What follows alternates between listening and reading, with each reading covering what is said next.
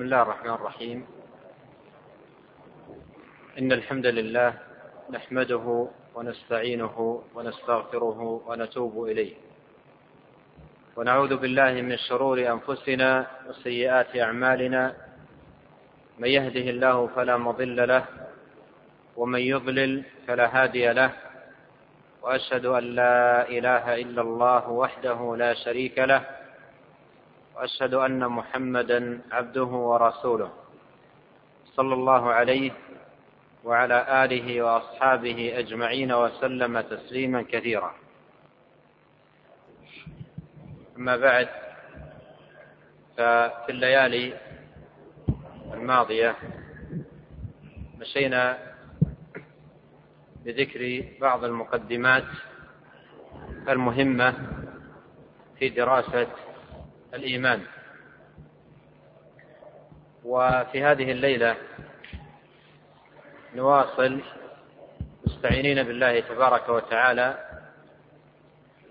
بالكلام على هذه المقدمات التي في الإيمان ودراسته وما يتصل به. قد ذكرت شيئا من فضائل الإيمان العظيمة وثماره الكريمة التي يحصلها أهل الإيمان. ومن فوائد الإيمان مما لم أشر إليه فيما سبق ومن فوائد الإيمان مما لم أشر إليه فيما سبق أن أهل الإيمان يفوزون بولاية الله لهم. كما قال الله تبارك وتعالى الله ولي الذين آمنوا يخرجهم من الظلمات إلى النور. والذين كفروا أولياؤهم الطاغوت يخرجونهم من يخرجونهم من النور إلى الظلمات. فهذه الولاية العظيمة ولاية الله لأهل الإيمان وما تقتضيه وتستلزمه من حفظ ورعاية وتسديد وتوفيق هي ثمرة عظيمة وفائدة جليلة من فوائد الإيمان. ومن تولاه الله حفظه وأعانه وسدده ووقاه. ولهذا قال الله تعالى إن الله يدافع عن الذين آمنوا. وقال تعالى وكان حقا علينا نصر المؤمنين. قال تعالى وكذلك ننجي المؤمنين. وهذه كلها من ثمار الإيمان. دفاع ونصر وحفظ وتأييد. بل قال الله تعالى كما في الحديث القدسي من عادى لي وليا فقد آذنته بالحرب. ولا يزال عبدي وما تقرب إلي عبدي بشيء أحب إلي مما افترضته عليه. ولا يزال عبدي يتقرب إلي بالنوافل حتى أحبه. فإذا أحببته كنت سمعه الذي يسمع به وبصره الذي يبصر به ويده التي يبطش بها وقدمه التي يمشي بها. ولئن سألني لأعطينه ولئن استعاذ بي لأعيذنه وهذا فيه أن الله عز وجل يسدده في سمعه وفي بصره وفي يده وفي قدمه ويكون محفوظا بحفظ الله تبارك وتعالى له. وهذا كله مما يدلنا على عظم شأن الإيمان ورفيع مكانته وكبر ثمراته. مما يجعل من من الله عليه بهذه النعمة يحرص على المحافظة عليها والثبات عليها. والثبات على الإيمان هو أيضا منة الله. كما قال الله تعالى يثبت الله الذين آمنوا بالقول الثابت في الحياة الدنيا وفي الآخرة. ويضل الله الظالمين ويفعل الله ما يشاء. ولهذا جدير بأهل الإيمان ومن ساق الله عز وجل لهم هذه النعمة وهداهم إلى هذه المنة أن يحرصوا على المحافظة عليه. وسؤال الله الثبات والبعد عن كل سبب أو أمر يخدش الإيمان أو ينقصه أو يضعفه. والله جل وعلا وحده الهادي والموفق والمعين. ثم أيها الإخوة أهم ما يكون في الإيمان والإيمان كله مهم عظيم أصوله التي عليه يبنى وأسسه التي عليها يقوم. قد عرفنا بالأمس أن الإيمان يقوم على أصول ستة. جاء ذكرها في حديث جبريل وهي الإيمان بالله وملائكته وكتبه ورسله واليوم الآخر والقدر خيره وشره. فهذه أصول الإيمان التي يبنى عليها وهي للإيمان بمثابة العماد والأساس والأصل فلا قيام للإيمان إلا على هذه الأصول. وهي كما بين أهل العلم أصول مترابطة متلازمة لا ينفك بعضها عن البعض الآخر. فالإيمان ببعضها يستلزم الإيمان بباقيها والكفر ببعضها كفر بباقيها. من آمن بأصول الإيمان كلها واستثنى منها أصلا واحدا لم يؤمن به لم يقبل لم يقبل الله جل وعلا منه إيمانه بما آمن به ولم يقبل منه عملا لا فريضة ولا نفلة وإن كثرت أعماله فهذه الأصول أصول مترابطة متلازمة لا ينفك بعضها عن بعض. فمن آمن ببعضها لزمه الإيمان بباقيها ومن كفر بشيء منها فهو كافر بها كلها لأنها أصول متلازمة مترابطة. وهذه الأصول هي أعظم ما بين في القرآن الكريم وأعظم ما اتفقت عليه كلمة الأنبياء والمرسلين وأعظم ما أنزلت لأجله الكتب الإلهية. ولهذا عندما تطالع كتاب الله عز وجل تجد الآيات الكثيرة والحجج الوفيرة الدالة على هذه الأصول. المبينة لعظم شأنها ورفيع مكانتها. فخذ على سبيل المثال في ذلك سورة البقرة. بدأت هذه السورة العظيمة أول ما بدأت بأصول الإيمان الستة. وختمت هذه السورة بأصول الإيمان الستة.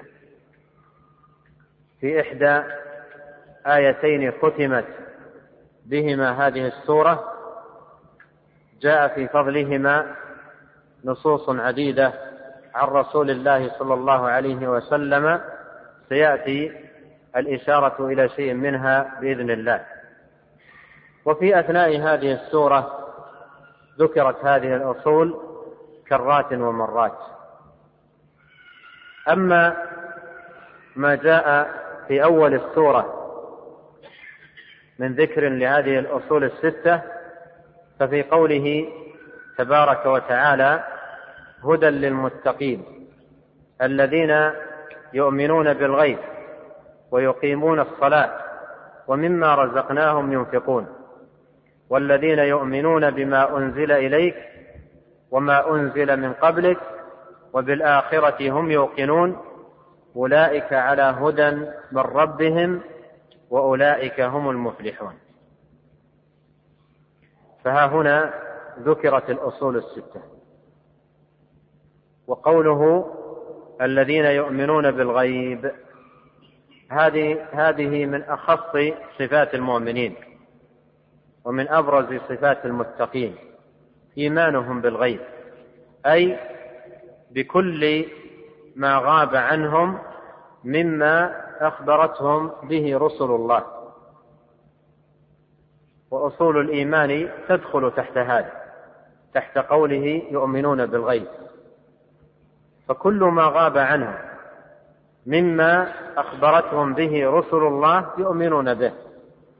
خلاف الكفرة الذين يقولون لا نؤمن إلا بالأمور المحسوسة والمعاينة والمشاهدة أما ما غاب عن أعيننا ولم نشاهده بأحاسيسنا فلا نؤمن به. فهذا قول أهل الكفر والضلال. أما المؤمنون فيؤمنون بالغيب.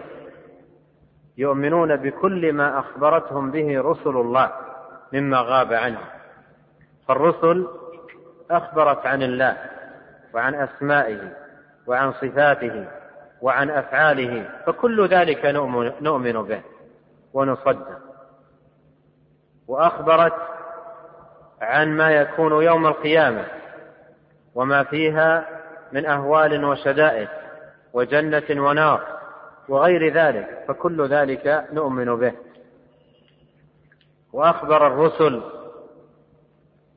بأمور سابقة وأمور لاحقة وقصص متنوعة لم لم نشاهد شيئا منها وإنما عرفنا خبرها عن طريق الرسل.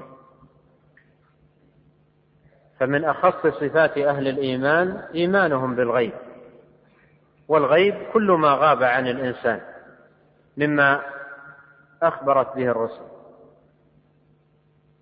وتحت قوله يؤمنون بالغيب تدخل كما قلت هذه الأصول العظيمة.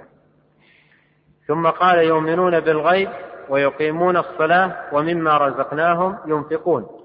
فذكر قيامهم بطاعة الله وامتثالهم لأوامر الله ومحافظتهم على عبادة الله. ثم ذكر آه ثم ذكر إيمانهم بالكتب المنزلة.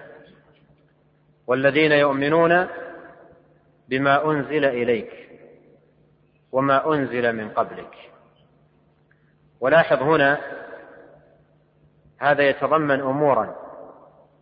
يتضمن الكتاب يتضمن الإيمان بالكتاب المنزل. ويتضمن الإيمان بمن أنزل عليه الكتاب. ويتضمن أيضا بالواسطة الذي قام بإنزال الكتاب وهم الملائكة. ينزل الملائكة بالروح من أمره على من يشاء من عباده. تنزل الملائكة والروح فيها. وإنه لتنزيل رب العالمين نزل به الروح الأمين. فهنا قوله والذين يؤمنون بما أنزل إليك فيه الإيمان بالملائكة. والملائكة واسطة في إنزال الكتب. الله جل وعلا اقتضت حكمته تنزيل كتبه على رسله بواسطة الرسول الملكي فالرسول الملكي ينزل بالوحي على الرسول البشري ففي هذا الإيمان بالملائكة. وفيه الإيمان بالكتب. يقول الله تعالى وقل آمنت بما أنزل الله من كتاب أي كل كتاب أنزله الله على أي رسول نؤمن به علمناه أو لم نعلمه وفيه كذلك الإيمان بالرسول الذي أنزل عليه الكتاب الرسول الذي أنزل عليه الكتاب وما ما أنزل إليك وما أنزل من قبلك. أي على الرسل. ثم ذكر الإيمان باليوم الآخر. قال وبالآخرة هم يوقنون. فذكرت أصول الإيمان الستة. ثم ذكر فضل هؤلاء بقوله أولئك على هدى من ربهم وأولئك هم المفلحون. وفي أثناء السورة قال الله تعالى ليس البر أن تولوا وجوهكم قبل المشرق والمغرب ولكن البر من آمن بالله واليوم الآخر والملائكة والكتاب والنبيين. فذكر أصول الإيمان الستة. والمذكور هنا خمسة أصول والإيمان بالقدر داخل في الإيمان بالله لأن القدر قدرة الله جل وعلا. وفي آخر السورة قال الله تعالى آمن الرسول قال تعالى آمن الرسول بما أنزل إليه من ربه والمؤمنون. كل آمن بالله وملائكته وكتبه ورسله لا نفرق بين أحد من رسله وقالوا سمعنا وأطعنا غفرانك ربنا وإليك المصير. فذكر أصول الإيمان الستة. الإيمان بالله والإيمان بالملائكة والإيمان بالكتب والإيمان بالرسل. كل آمن بالله وملائكته وكتبه ورسله. وذكر أيضا الإيمان باليوم الآخر. في قوله وإليك المصير. أي البعث والحساب والرجوع فهذا فيه الإيمان باليوم الآخر. والقدر داخل في الإيمان بالله. وهذه الآية مع الآية التي تليها وبهما ختمت سورة البقرة ورد في فضلهما نصوص.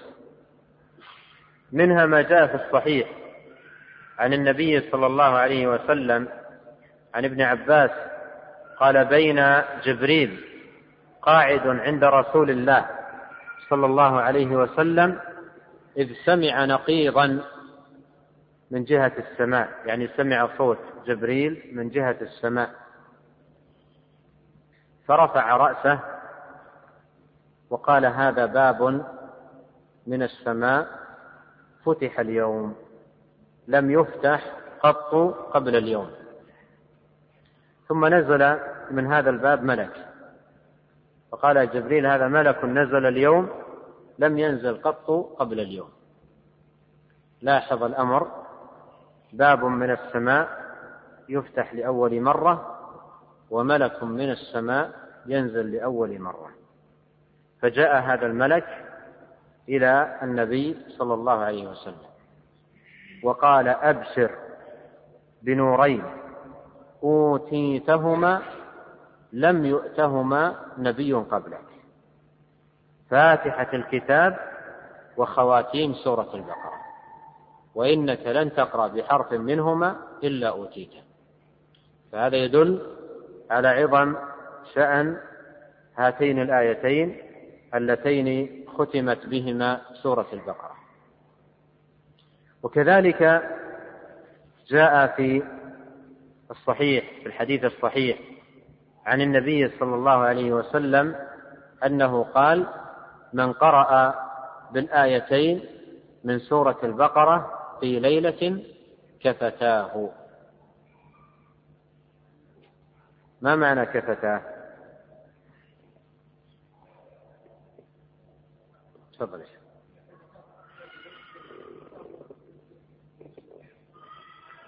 كفتاه قيام الليل وماذا؟ كفتاه من شرور الجن. وماذا أيضا؟ مثابة الحصن. وماذا أيضا؟ لو سمحت إجلس. وماذا أيضا؟ كل شيء. جزاك الله خير. قوله كفتاه قوله كفتاه. قيل فيها أقوال. قيل في معناها أقوال. فمن الأقوال التي قيلت فيها أي كفتاه من قيام الليل. وهذا قول ضعيف. يعني ذكره بعض أهل العلم وهو قول ضعيف. ف وقيل كفتاه من الشيطان. وهذا مما يدخل في عموم عموم الحديث. وقيل كفتاه أي من كل شر. كفتاه من كل شر. وهذا هو الأصل في معنى الحديث. فكفتاه من كل شر سواء شر الشيطان أو غير ذلك من الشرور التي يخشاها الإنسان ويخاف منها. هذا معنى قوله من قرأ بالآيتين من سورة البقرة في ليلة كفتاه. هنا لاحظ ترغيب في قراءة هاتين الآيتين. ترغيب في قراءة هاتين الآيتين كل ليلة. وهذا يدلنا على عظم قراءة هاتين الآيتين كل ليلة. فيأتي هنا السؤال ما الحكمة من قراءة هاتين الآيتين كل ليلة. وهنا حكمة ظاهرة فيما يتعلق بالآية الأولى. ألا وهي أنك كل ليلة تستحضر أصول الإيمان. كل ليلة تستحضر أصول الإيمان. وهذا مما يدلنا على عظم مقام الإيمان ورفيع شأنه. وأنك دائما ينبغي أن تجدد استحضاره. واستذكاره ومدارسته وإراده على ذهنك فأنت كل ليلة مرغب في أن تستحضر أصول الإيمان. كل ليلة تقول آمن الرسول بما أنزل إليه من ربه والمؤمنون كل آمن بالله وملائكته وكتبه ورسله. لا نفرق بين أحد من رسله وقالوا سمعنا وأطعنا غفرانك ربنا وإليك المصير. هذا مع التدبر المطلوب منا عند قراءة القرآن نوع من الاستذكار والاستحضار والمذاكرة والمدارسة لأصول الإيمان.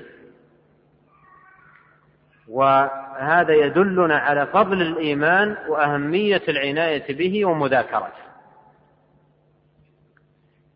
ونظير هذا ما يقال عند النوم في حديث البراء وهو من هذا القبيل. حديث البراء فيه أن تقول إذا أويت إلى فراشك اللهم إني أسلمت نفسي إليك ووجهت وجهي إليك وألجأت ظهري إليك وفوضت أمري إليك لا ملجأ ولا منجى منك إلا إليك آمنت بكتابك الذي أنزلت وبنبيك الذي أرسلت. هذا ما هو؟ هذا أيضا استذكار لأصول الإيمان. استذكار قبل أن تنام تنام وتغمض عينيك وأنت تستحضر أصول الإيمان. تغمض عينيك وأنت تستحضر أصول الإيمان. فتنام على الإيمان. وغيرك ينام على هموم الدنيا. بينما أنت تنام وأنت تستحضر أصول الإيمان. تنام وأنت توحد الله وتذكر الله وتستحضر هذه الأصول العظيمة. اللهم إني أسلمت نفسي إليك. ووجهت وجهي إليك وفوضت أمري إليك وألجأت ظهري إليك. لا ملجأ ولا منجى منك إلا إليك. آمنت بكتابك الذي أنزلت وبنبيك الذي أرسلت. ومن هذا القبيل قراءة سورة قل يا أيها الكافرون. قد ورد في حديث ثروة بإسناد حسن وأن من قرأها كانت براءة له من الشرك. ولما تنام وقد قرأت هذه السورة تنام على التوحيد واستحضار التوحيد والإخلاص لله تبارك وتعالى ولهذا يكتب براءة من الشرك.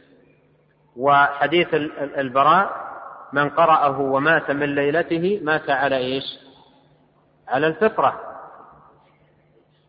مات على الفطرة والفطرة هي التوحيد والإخلاص لله تبارك وتعالى.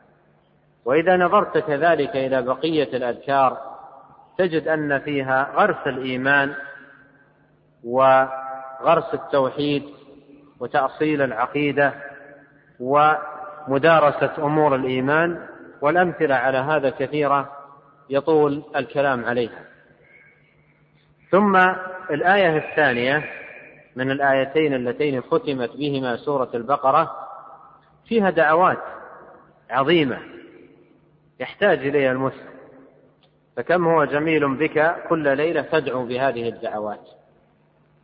لا يكلف الله نفسا إلا وسعها لها ما كسبت وعليها ما اكتسبت. ربنا لا تؤاخذنا إن نسينا أو أخطأنا. ربنا ولا تحمل علينا إصرا كما حملته على الذين من قبلنا. ربنا ولا تحملنا ما لا طاقة لنا به. واعف عنا واغفر لنا وارحمنا أنت مولانا. فانصرنا على القوم الكافرين. وهذه دعوات عظيمة. وقد جاء في الحديث الصحيح أن الله تبارك وتعالى قال قد فعلت ومما جاء في القرآن في ذكر أصول الإيمان مجتمعة قول الله تعالى يا أيها الذين آمنوا آمنوا بالله ورسوله والكتاب الذي نزل على رسوله والكتاب الذي أنزل من قبل ومن يكفر بالله وملائكته وكتبه ورسله واليوم الآخر فقد ضل ضلالا بعيدا.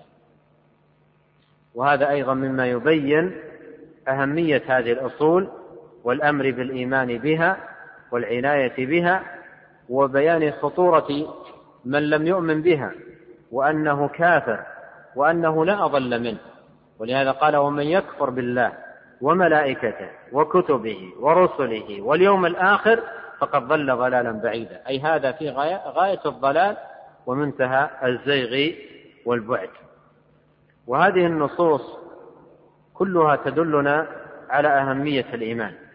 وإذا طلعت آيات القرآن الكريم تمر عليك آه، هذه الأصول يمر عليك الإيمان بالله وحده ويمر عليك مضموما إليه الإيمان باليوم الآخر ويمر عليك مرات وكرات الإيمان بالرسل والإيمان بالكتب. وهذا أعظم ما دعت إليه الرسل واتفقت عليه كلمتهم وأنزل في كتب الله. وهو كما قدمنا أصول أصول الإيمان. التي عليها يبنى وعليها يقام. ثم هذه الأصول أهمها وأعظمها الإيمان بالله. والإيمان بالله هو أصل أصول الإيمان. وبقية أصول الإيمان بمثابة الفرع لهذا الأصل. وإليه ترجع. ولهذا لو تلاحظ الحديث تأتي بقية الأصول مضافة إلى الأصل الأول الذي هو أصلها. في الحديث قال ماذا؟ أخبرني عن الإيمان. قال الإيمان أن تؤمن بالله وملائكته وكتبه ورسله. مضافة إليه. فإذا هو الأصل. الإيمان بالله هو أصل أصول الإيمان. وأصول الإيمان ترجع إليه. أصول الإيمان ترجع إليه. فأعظم أصول الإيمان وأهمها هو الإيمان بالله تبارك وتعالى. وبإذن الله تبارك وتعالى لقاؤنا القادم إن يسر الله يكون فيه الحديث عن الإيمان بالله وأيضا إن يسر الله نواصل الحديث عن هذه الأصول ونكتفي بهذا القدر. والله تعالى أعلم وصلى الله وسلم على نبينا محمد.